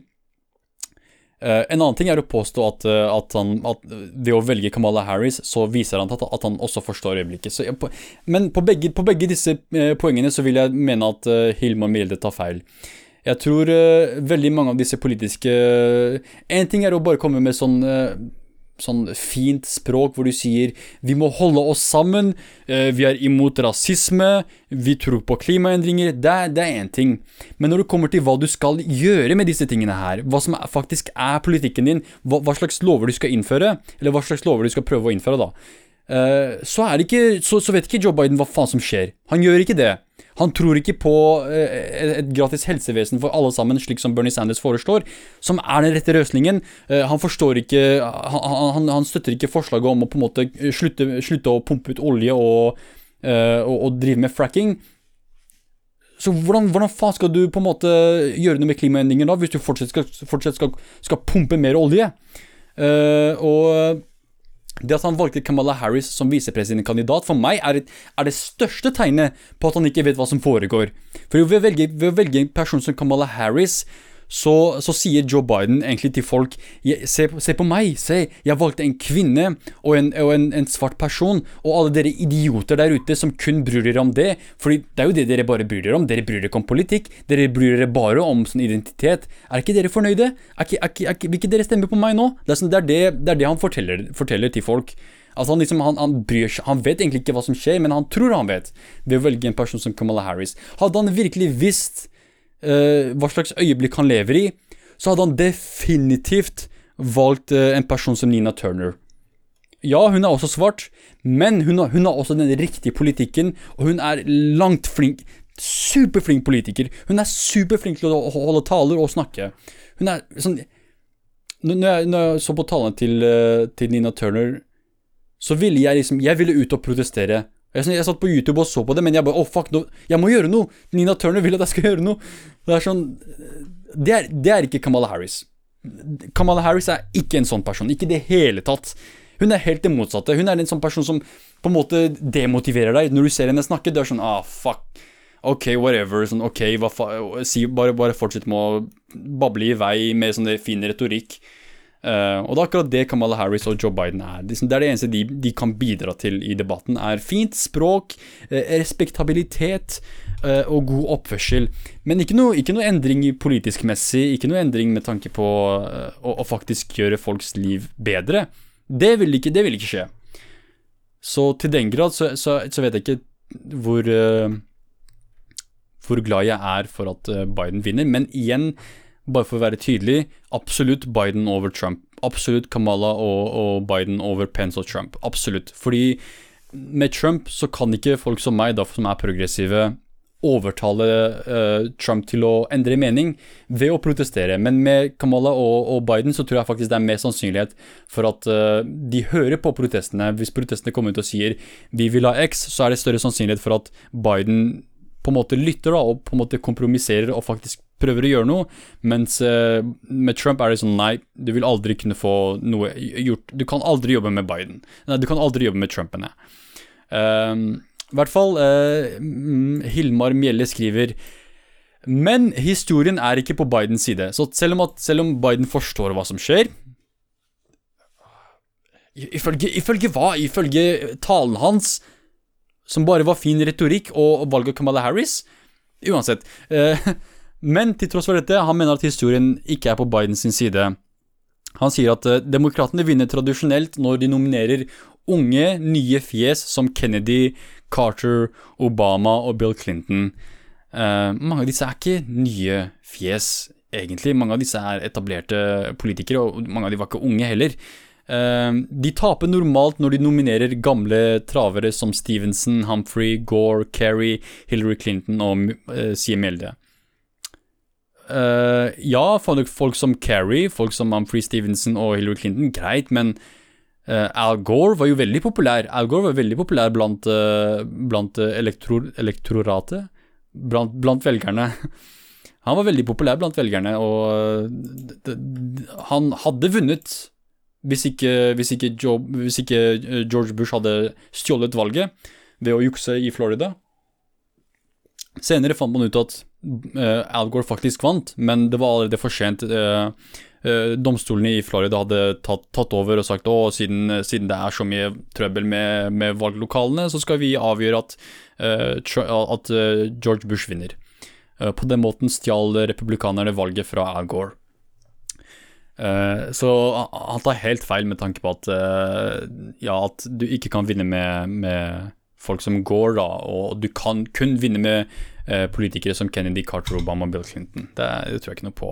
Du, du, du, må, ikke, du må, ikke, bare se på eh, For å liksom forstå hvordan klima, klima i, politiske klimaet i USA er. Du kan ikke bare se på uh, folk som er eh, presidentkandidater. Du må også se litt på andre faktorer også.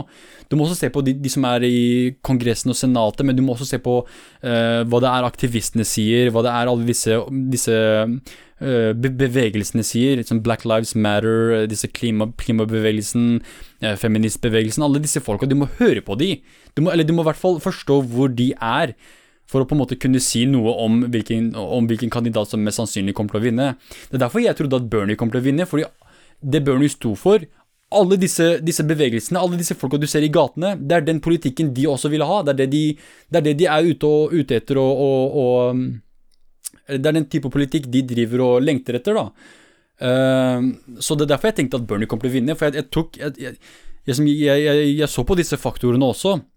Uh, men det jeg ikke tenkte så veldig nøye på, er at for det første Bernie er snill, og for det andre demokratene er, er jævler. Og vil gjøre alt de kan for å hindre en person som Bernie, at en person som Bernie kommer i makt.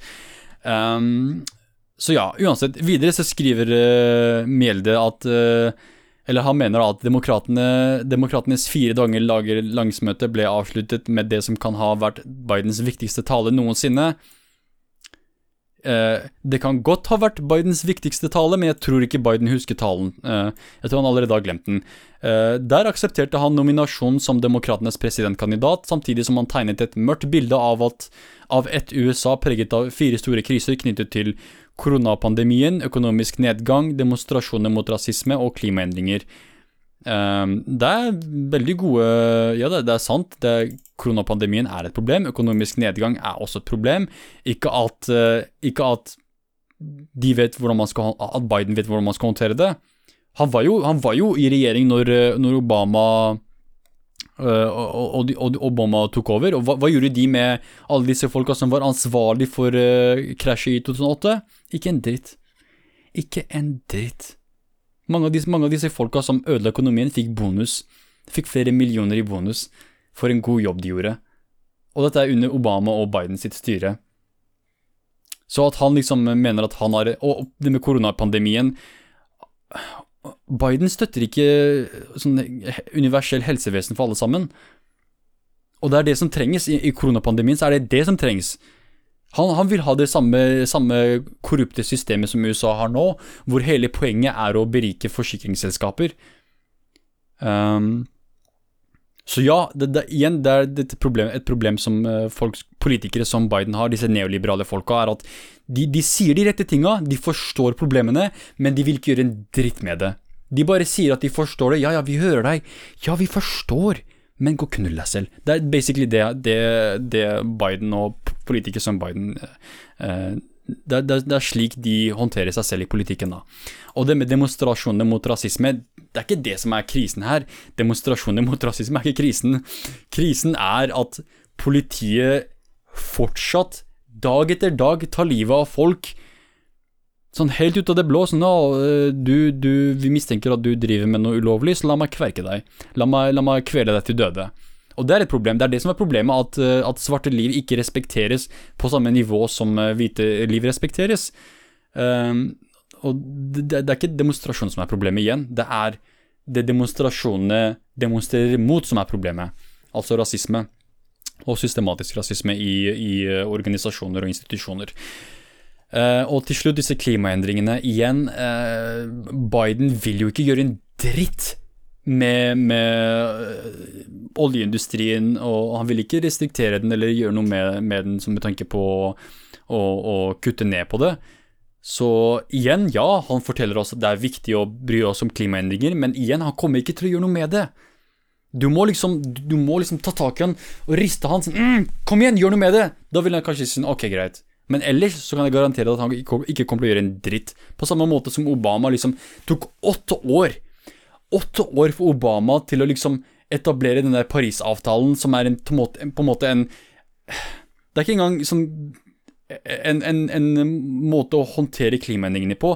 Det er mer sånn en, en, anerkjennelse av at vi har et problem med klima. Det, det, er det hele Parisavtalen er, etter min mening. En anerkjennelse av at vi har et problem som må fikses, og at folk på en måte setter opp sine, sine egne skreddersydde grenser, eller, eller liksom mål, da.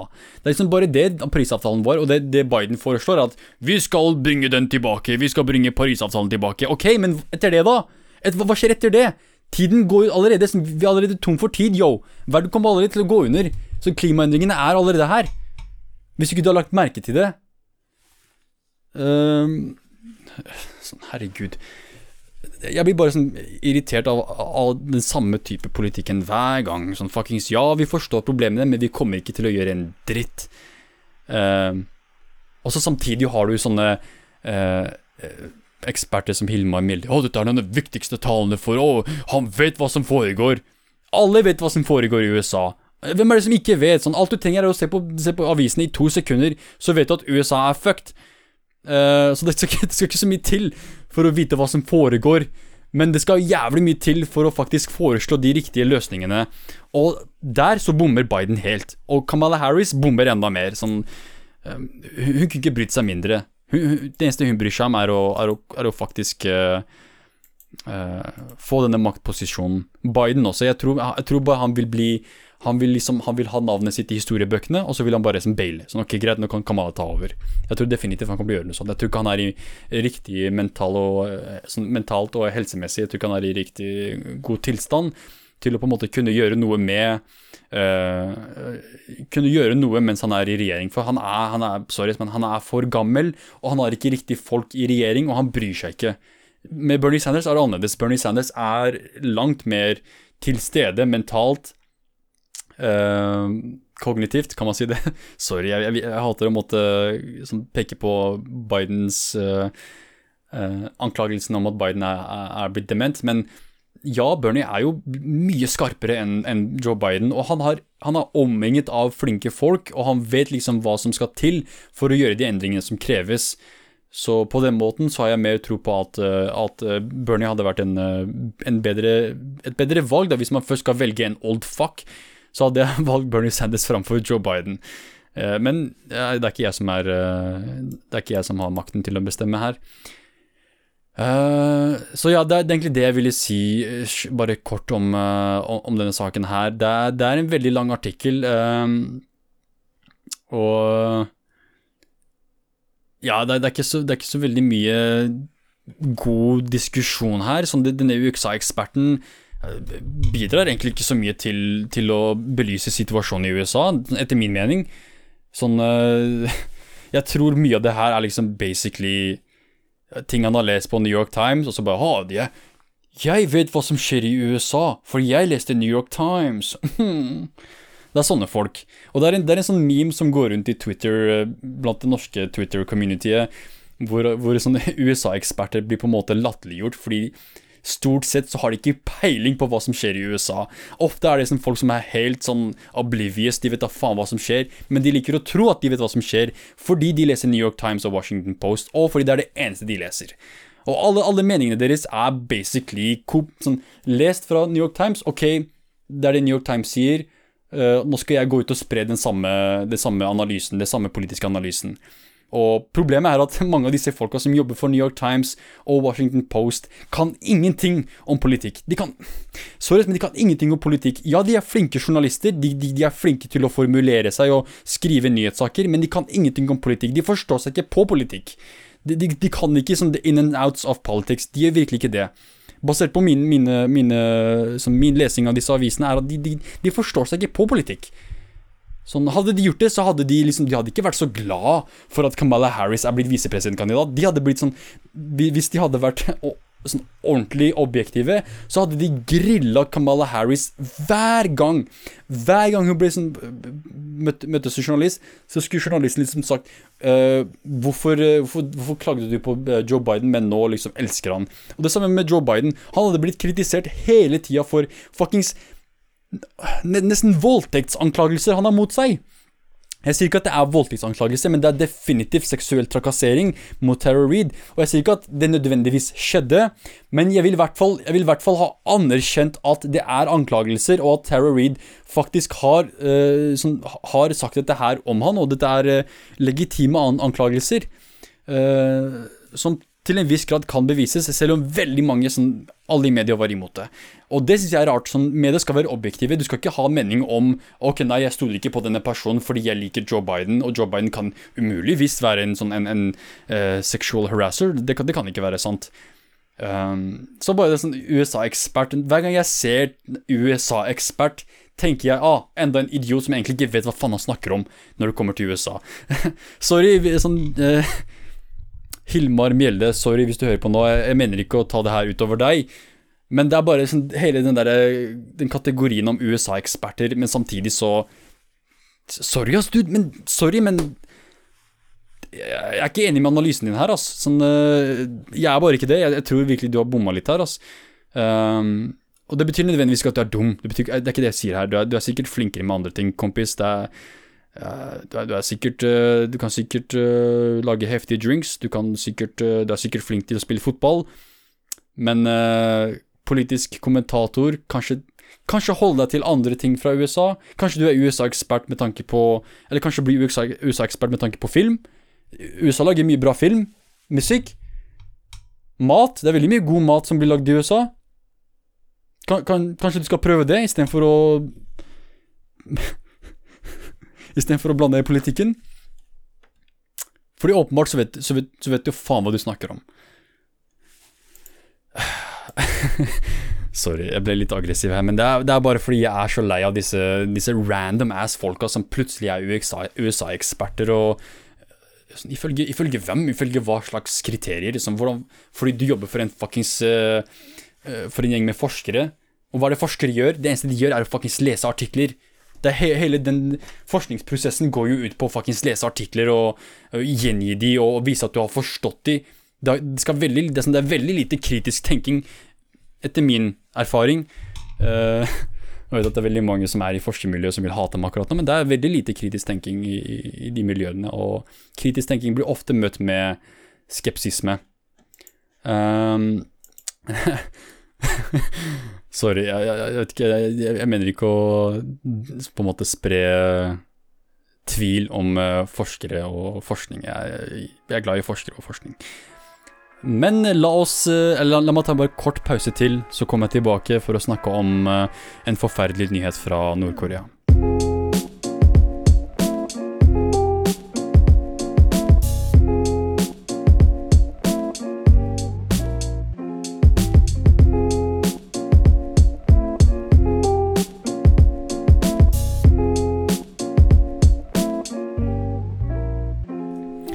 Yes, det er tilbake, og nå tenker jeg jeg kan bare avslutte med en, eh, en veldig tragisk nyhetssak her. Og jeg, jeg hater å måtte ende episoden her med dårlige nyheter, men det er ikke alltid man har gode nyheter. Um, jeg vet at det er noen ganger hvor man har positive ting som skjer her i verden, men dette her er ikke en av dem. Så Nord-Koreas leder beordrer inndraging av kjæledyr, sier Nettavisen. Um, det er en artikkel skrevet av Kjetil Bortleid. Mæland, Kjetil Borteleid, Bortelid, Bortelid Mæland, sorry. Kjetil Bortelid Mæland. Sorry. Uh, han skriver Nord-Koreas Kim Jong-un sier at kjæledyr er et tegn på Vestens dekadens, og skal derfor bli inndratt. What the fuck? Bikkjer! Katter! Papegøyer! Som what the fuck? uh, Ok, så det, dette her er Nord-Korea, så det må være Det er en viss sånn der absurdisme som må ta, tas i betraktning her. Men Kjæledyr? Hva faen? Hva, hva, hva er problemet med kjæledyr nå, plutselig? En feite jævel? Chubby, chubby ass chub? Sånn uh, Fat fuck? La, la, la dyrene være. Uh, dette her er, Jeg syns det her er forferdelig. Sånn, tenk deg som kjæledyret ditt blir fratatt deg av denne diktatorjævelen. Jeg kan garantere at han har bikkje, at han har masse kjæledyr, men han, han fjerner det fra, fra sin egen befolkning. Oss, men det er litt mer komplisert enn det. Så la oss, la oss se hva det er artikkelen forklarer her. Uh, Kjetil Bortelid Mæland skriver Hundeeiere i Nord-Korea frykter nå at deres kjæledyr skal bli inndratt. Uh, Kim Jong-un uh, lagde et direktiv i juli der det står at disse kjæledyrene er en del av en uønsket borgerlig trend. Det er en anonym kilde som forteller dette til den engelske utgaven av den sørkoreanske avisen Chosun Ilbo. Uh, nyheten har blitt gjengitt av flere vestlige medier, bl.a. Eh, New York Post. Ok, brått så mista denne, denne, saken her troverdighet. Uh, for det første, anonym kilde. I, i hvilken kontekst? Uh, ja, skal vi se her According to a source, sier uh, uh, Chosun Ilbo. Ja, a source, hva betyr a source? Det kan være, det kan være kødd. Uh, anonyme kilder også. Det, det, forteller ikke, det, forteller oss ikke, mye om hvem det er som faktisk forteller oss dette her. Så til hvilken grad dette her er sant, jeg mista plutselig sånn troverdighet. Spesielt. Spesielt fordi det er skrevet av New York Times også. Men ja, flere vestlige medier. Som om som om det eh, gjør at en sak er sant, ved at flere vestlige medier dekker en sak, og at New York Times skriver om det. Da må det være sant. Husker, det, husker du eh, Weapons of Mass Destruction in Iraq? alle vestlige medier skrev om det, norske medier skrev om det, norske politikere ville blande seg inn i eh, Frp-politikere spesifikt, ville blande seg inn i Irak pga. masseødeleggelsesvåpen, fordi vestlige medier snakket om det, og New York Times snakket om det. Så eh, la oss være litt forsiktige med tanke på til hvilken grad vi skal stole på disse vestlige mediene. Som om bare det å være vestlig medie liksom Ja, ja, ja, selvfølgelig, du er et vestlig medie. Du er en vestlig avis, vi skal tro på deg, i motsetning til hvis du er en uh, asiatisk nyhetsavis. um, så det er, liksom, det, er ikke, det er, ikke, nok at det er en sørkoreansk avis som har skrevet om det her. Det, det må, for at det skal være troverdig, så må det jo være skrevet av vestlige kilder og New York Times. Eller New York Post, da. Så Det er enda verre. Hvis jeg har skrevet av New York Post, så er det enda verre. Jeg er skeptisk til New York Times, men hvis du, hvis du refererer til New York Post da er jeg langt mer skeptisk. Så denne, sak, denne, saken her er kanskje ikke så alvorlig som jeg trodde, fordi det kan hende det er bullshit. Uh, fordi mye, mange av disse nyhetssakene som kommer fra Nord-Korea, er bullshit. Husker du ikke noe fuckings uh, Kim Jong-un hadde hjerteoperasjon og døde. Søsteren skal ta over. Absolutt alle skrev om det. Men creds til Dagbladet, de var en av de som jeg la merke til blant mainstream-avisene, som ikke, ikke, sa at Kim Jong-un var død, hvor de, hvor de, faktisk var sånn her Nei, han kan faktisk Han kan kanskje være i live, dette kan bare være rykter. Men alle andre var sånn, bekreft, sånn nærmest bekreftet at han var død. Og de begynte allerede å snakke om søsteren hans som om ja, åpenbart, nå er det hun vi skal fokusere på, for nå er det hun som kommer til å bli lederen. Og så plutselig, to-tre uker senere, så finner man ut at the fat fuck is alive. Sånn han er fortsatt i live. Så Tragisk nyheter hvis det er sant, men igjen det kan godt hende det ikke er sant. Men la oss, la oss se hva det er uh, Hvis det er sant, da, la oss se hva det er som har skjedd her i Nord-Korea. Uh, kilden hevder at befolkningen tror at det er den økonomiske krisen som følge av koronapandemien som er årsaken til hundeinndragingen, og at det egentlig er et uh, er et Beklager, jeg falt av her fordi det er skrivefeil. Det står R1, R1, 1. Er det her hadde, hadde journalisten uh, sånn hjerteinfarkt mens han skrev det her? Og at det egentlig er What the fuck? Så det, det, står helt fakt her. Så det er ikke bare jeg som er forferdelig til å lese her, det er, bare, det er faktisk skrivefeil her. Så la meg, la meg, prøve å lese det her på nytt, uten å ja, ja, ved, å, ved å se bort ifra feilen her. Ok, beklager, jeg måtte bare ta en eh, kort pause her eh, brått, eh, men la meg gå tilbake og lese, lese sitatet her på nytt. Kilden hevder at befolkningen tror at det er den økonomiske krisen som følge av koronapandemien som er årsaken til hundeinndragingen, og at det egentlig er et ledd i å motvirke matmangel i landet. Så de, ja, de frykter rett og slett at deres kjæledyr kan ende opp som middag. Japp. Så de, mange mistenker at på en måte Sør-Korea, eller Kim Jong-un, nekter folk eh, å ha kjæledyr. Ikke nødvendigvis fordi det er pga. vestlige verdier, og at det er, det er ikke veldig sørkoreansk, og vi må liksom Eller det er ikke veldig nordkoreansk, sorry, uh, å, å, ha kjæledyr. Så derfor må vi, må vi liksom fjerne de, og ja, tydeligvis avlive de, for du kan ikke ha kjæledyr. Det, det er tegn på vestlighet og alt det der. Men mange, mange, mistenker at det egentlig bare er et, et, en, en sånn, et, et forsøk på å motvirke matmangelen. Så uh, mange av disse kjæledyrene kommer til å ende opp som middag. Eller det er det folk frykter.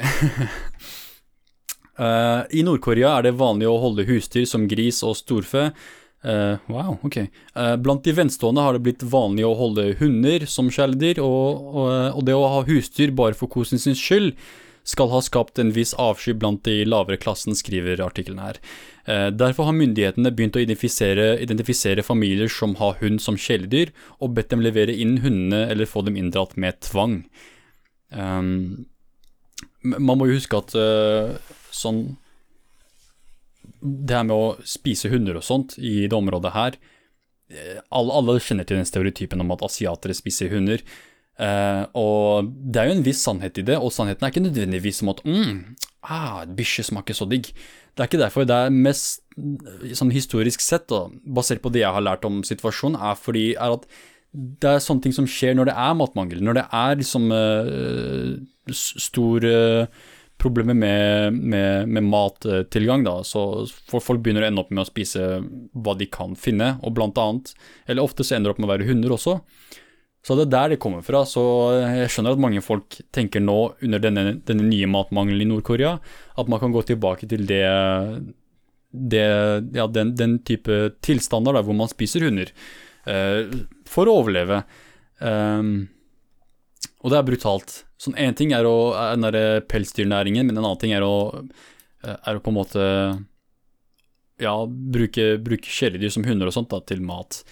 Um, og det, igjen, det er kanskje veldig vestlig, det med at kjæledyr er ikke, sjel, ikke, mat, de er en del av familien og alt det der. Det er jo en veldig vestlig greie, egentlig. Du vil ikke finne samme type holdning til dyr i Midtøsten, f.eks. Der er liksom dyr på en måte De har en viss type rolle i, i husstanden, som f.eks. katter og sånt. Det er, liksom, det er ikke fordi katter er 'å, de er så søte'. Ofte er det fordi katter tar, tar livet av ekorn og, og rotter og sånt. Uh, som kan være pest for visse sånn, bønder og sånt. Og sammen med bikkjer, som mange har bikkjer fordi liksom, bikkjene er med på å ta, ta livet av muldvarper og, og, rotter og alt det der. Så det er Ja, det er, det er en viss type um, bruk disse dyrene har, da. Så at mange folk Jeg skjønner at veldig mange i underklassen ser på dette her med å ha, ha disse kjæledyrene bare for kos, og ikke nødvendigvis for no, no, en viktig sånn eh, rolle kjæledyret spiller i husstanden. Det, jeg skjønner at mange blir sånn, sånn kritiske til det og kanskje eh, blir bitre over det.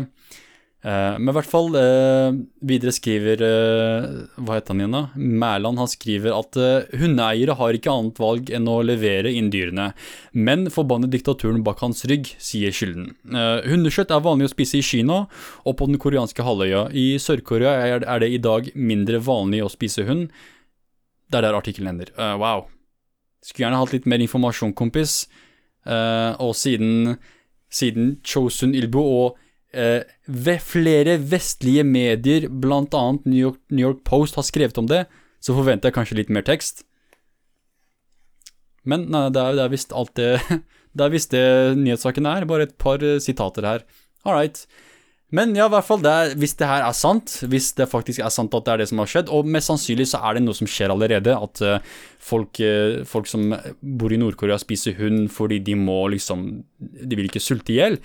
Um, men det er fortsatt forferdelig. Det er fortsatt sånn tragisk. Sånn holy shit. Fucking spise bikkjer. Come on, se på disse bikkjene her. Fuck sake. Hvordan kan du spise noe sånt som det her? Se, se på denne fuckings bikkja her. What the fuck? Come on. Men ja, det er verden vi lever i. sult og matmangel og alt det, alt det drittet her, så det er uh, dessverre slik vi er, slik vi er nå. Spesielt pga. koronapandemien og alt det der som har gjort situasjonen for veldig mange enda vanskeligere. Uh, og jeg kan garantere deg at absolutt alle der ute har et eksempel av hvordan på en måte korona fucka opp livet, livet, deres. da. Uh, jeg, har, jeg har mange eksempler på hvordan korona fucka opp livet mitt.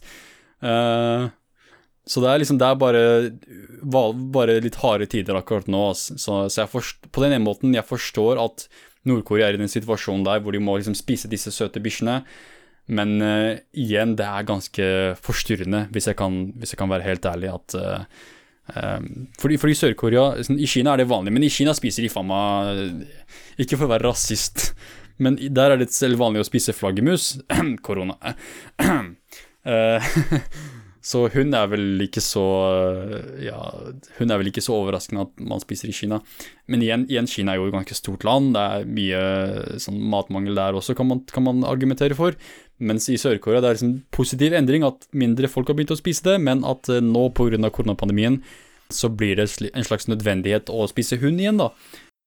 Uh, men jeg tenker det er uh, greit uh, nok. Nå har vi snakket i nesten to timer, og jeg beklager for det. Jeg håper ikke det ble altfor mye å sitte og høre på. Men dette er Ja, jeg, skulle Jeg hadde egentlig spilt inn et par episoder mens jeg var på ferie i Amsterdam, men pga. feil ved innspillingen så jeg, kan jeg dessverre ikke dele de episodene, så dessverre så har jeg et par last episodes blant annet hvor jeg snakket om det som skjedde i Afghanistan, uh, hvor jeg snakket litt nærmere om det med visepresidentkandidatene, og vi snakket litt om uh, rusreformen og nylige, nylige, endringer i ruspolitikken. Um, men jeg skal, jeg skal, prøve å komme tilbake til de sakene også, fordi det er veldig interessante artikler uh, som forteller oss veldig mye om hva som skjer i uh, situasjonen der i Midtøsten, og, og, også her i Norge med tanke på rusreformen osv., og, og, og det som skjedde i, i, USA. Og det som er skilt, er at de hadde veldig mange sånn, spådommer som uh, ble oppfylt. Eh, blant annet at eh, den kandidaten som eh, den artikkelen mente skulle være visepresidentkandidaten, jeg mente ikke skulle være den kandidaten, for det var åpenbart at Biden ikke ville velge en kontroversiell kandidat, heller ikke en venstrelende kandidat, og den personen som jeg snakket om, var venstrelende politiker. Um, så det var litt Ja, det hadde vært morsomt å dele den også, denne episoden også, men dessverre, den er Lyden er helt fucked. Sorry, altså. Jeg, jeg, jeg, det var veldig dårlig dårlig forberedt. Men i hvert fall, kompisprat er tilbake for nå, og spesielt nå som jeg er ferdig med eksamen, så vil jeg få litt mer tid til å faktisk putte litt mer arbeid i disse, disse episodene her. Uh, jeg, jeg, prøver å være litt mer på video også, og, og faktisk uh, gjøre det jeg mente å gjøre for to år siden, og det er å dele opp disse lange podkastene til små videoepisoder som kan deles på YouTube, fordi jeg vet at det er, ikke, det er ikke alle som har tid til å høre på to timer lange podkast om nyheter. Folk vil vanligvis bare ha korte videoer om nyheter. Det forstår jeg godt, jeg er ikke dum, men det er bare denne plattformen her som jeg, får, jeg elsker bare å, å, å på en måte snakke om nyhetene på denne måten her, der hvor vi faktisk har en samtale om dette her, og vi går gjennom dette her.